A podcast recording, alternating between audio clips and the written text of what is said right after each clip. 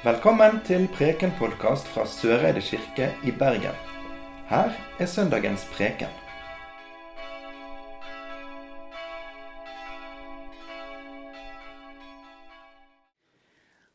Det står skrevet i evangeliet etter Johannes. Ingen har større kjærlighet enn den som gir livet for vennene sine. Dere er mine venner hvis dere gjør det jeg befaler dere. Jeg kaller dere ikke lenger tjenere, for tjeneren vet ikke hva Herren hans gjør. Jeg kaller dere venner, for jeg har gjort kjent for dere alt jeg har hørt av min far. Dere har ikke utvalgt meg, men jeg har utvalgt dere og satt dere til å gå ut og bære frukt, en frukt som varer. Da skal Far gi dere alt dere ber om i mitt navn. Dette er mitt bud til dere. Elsk hverandre. Slik lyder Herrens ord.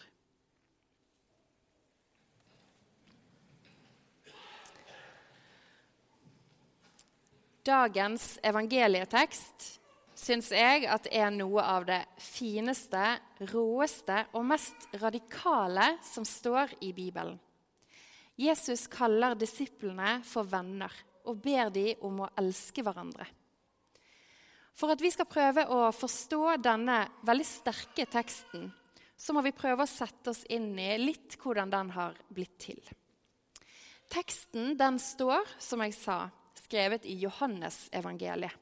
Altså en av de fire forskjellige bøkene i Bibelen som har til hensikt å forklare og bevise hvem Jesus er. Johannesevangeliet det skiller seg en del fra de tre andre, altså Matteus, Markus og Lukasevangeliet. Og Johannesevangeliet er også skrevet ned noen år etter disse. Derfor er det òg bearbeidet på en annen måte. Vi kaller gjerne Johannesevangeliet for det åndelige evangelium. Og et annet navn på dette verket det er kjærlighetens evangelium. Fordi at det legges veldig sterk vekt på den kjærligheten som Jesus kommer med i denne versjonen av fortellingen om Jesus. Det legges enda sterkere fokus på det her enn hos de tre andre. Og Det er fordi det er Jesus som viser hva kjærlighet er. Teksten vår den omhandler kjærlighet. Ingen har større kjærlighet enn den som gir livet for vennene sine, sier Jesus. Og her snakker han om seg sjøl. Og han snakker om disiplene sine.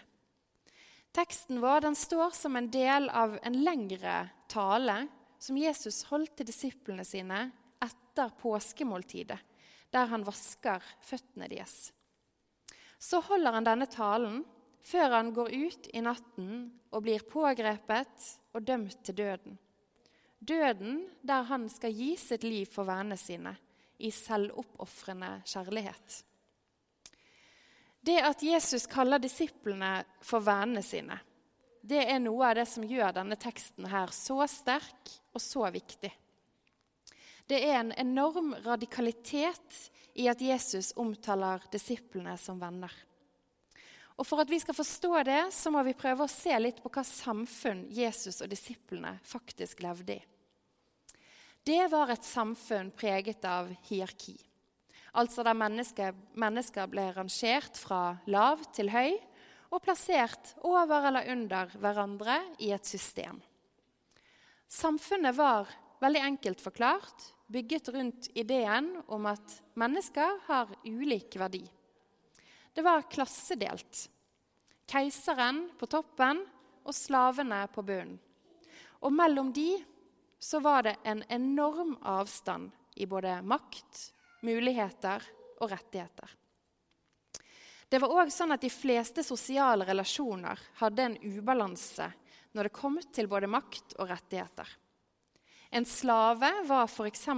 underordnet sin eier og måtte adlyde han eller hun. Et barn måtte respektere og adlyde sine foreldre, også etter at de var gått bort. Og i et ekteskap så var mannen overhodet og herre over kvinnen. I relasjonen student-lærer så var studentene underordnet sine lærere. Og dette klassesamfunnet og samfunnssystemet det ble holdt sammen ovenifra med makt og nedenifra med respekt og underkastelse. Men midt i dette klassesamfunnet så fantes vennskapet. Vennskapet det var en likeverdig relasjon. Og den eneste relasjonen som ble løftet fram som en gjensidig relasjon i det antikke middelhavssamfunnet. Vennskapet ble derfor høyt verdsatt. Venner de kom ofte fra de samme samfunnssjiktet, og de så på hverandre som likeverdige. Relasjonen var bygget på tillit, støtte og ofte på kjærlighet. Så, når Jesus kaller disiplene sine for venner og gir dem et nytt bud om å elske hverandre, så tar han på mange måter et slags oppgjør med disse hieraktiske strukturene som samfunnet var så gjennomsyret av. Jesus han var jo læreren, eller rabbineren, rabbien deres. Og det er sikkert mange rabbier med disipler som kunne ha gjort og sagt akkurat det. Men det at det er Jesus som gjør det, det er rett og slett helt utrolig. For Jesus er Gud. Gud som til og med er hevet så høyt over disse samfunnsstrukturene Gud som menneskene fram til nå har måttet bøye seg under og ofre til. Gud som menneskene skal frykte og underkaste seg. Jesus han presenterer seg sjøl som en gud med kapasitet for vennskap i Johannesevangeliet. Han er en som verdsetter kjærlighet og likeverdige relasjoner framfor tvungen underkastelse. Han peker på seg sjøl som en som har gått foran som forbilde i selvoppofrende kjærlighet. Og Det er veldig tydelig at forfatteren av dette evangeliet er spesielt opptatt av denne siden med Jesus. Blant annet så framhever han fotvasken på skjærtorsdag framfor innstiftelsen av nattverden. Fotvasken som blir et eksempel på hvordan Gud bøyer seg ned til oss og vasker oss omsorgsfullt. Det vies òg mye plass i dette evangeliet til at Jesus er venner med søskenflokken Martha, Maria og Lasarus. Det at Gud kom ned til oss og ble venner med selv kvinner, det er enormt grensesprengende i seg sjøl. Og gjennom vennskapet med denne søskenflokken så viser Jesus seg som en gud som òg setter kvinner likeverdig seg sjøl. Jesus viser seg som venn i Johannesevangeliet. En venn som gir livet for vennene sine og ber de om å elske hverandre som likeverdige.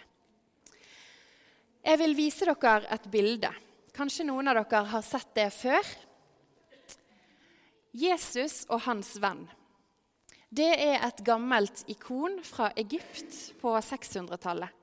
Som ble funnet i utgravningene etter et kloster i ørkenen.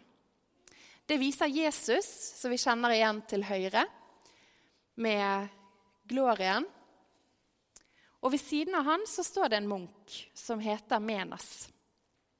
Dette bildet, Jesus og hans venn, det har sannsynligvis hengt i dette klosteret. Og det er mye man kan si om det bildet her, men jeg vil kommentere noen ting. En ting som er veldig fint, er at til forskjell fra en del andre bilder, så er ikke Jesus framstilt veldig mye større enn den andre. Her er de to like høye. De er like menn, likeverdige. Og så er de på vandring sammen. Jesus har også en stor bok under eh, armen det er Bibelen. Og det har han fordi at eh, han er ordet som kommer til oss i dag. Og så Hvis vi ser på han Menas, så peker han med den ene hånden mot Jesus. Og han peker med to fingre. Og Det betyr at Jesus er både Gud og menneske. Altså at, at Jesus har to naturer. Hvis vi ser på øynene til de to, så ser vi at øynene til Jesus de er litt større enn Mena sine, fordi at Jesus ser mer. Og Hvis vi ser på Mena sine øyne, så er det nesten sånn at de eh, skjegler litt. Det ene øyet det er rettet eh, framover, mens det andre det er rettet mot Jesus.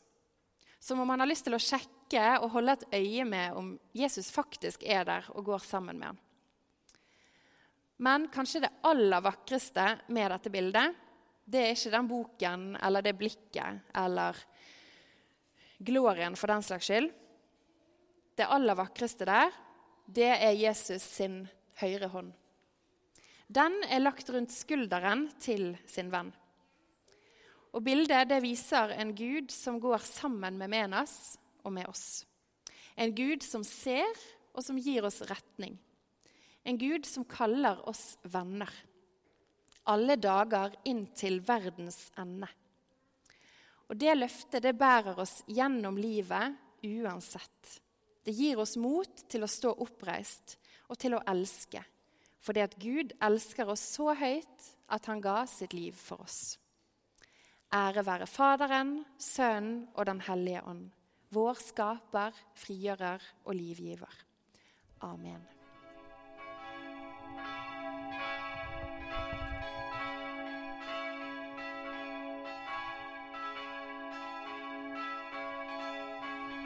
Du har nå hørt Preken-podkast fra Søreide kirke i Bergen. Følg oss gjerne på Facebook og Instagram, eller gå inn på vår nettside kirken.no soreide.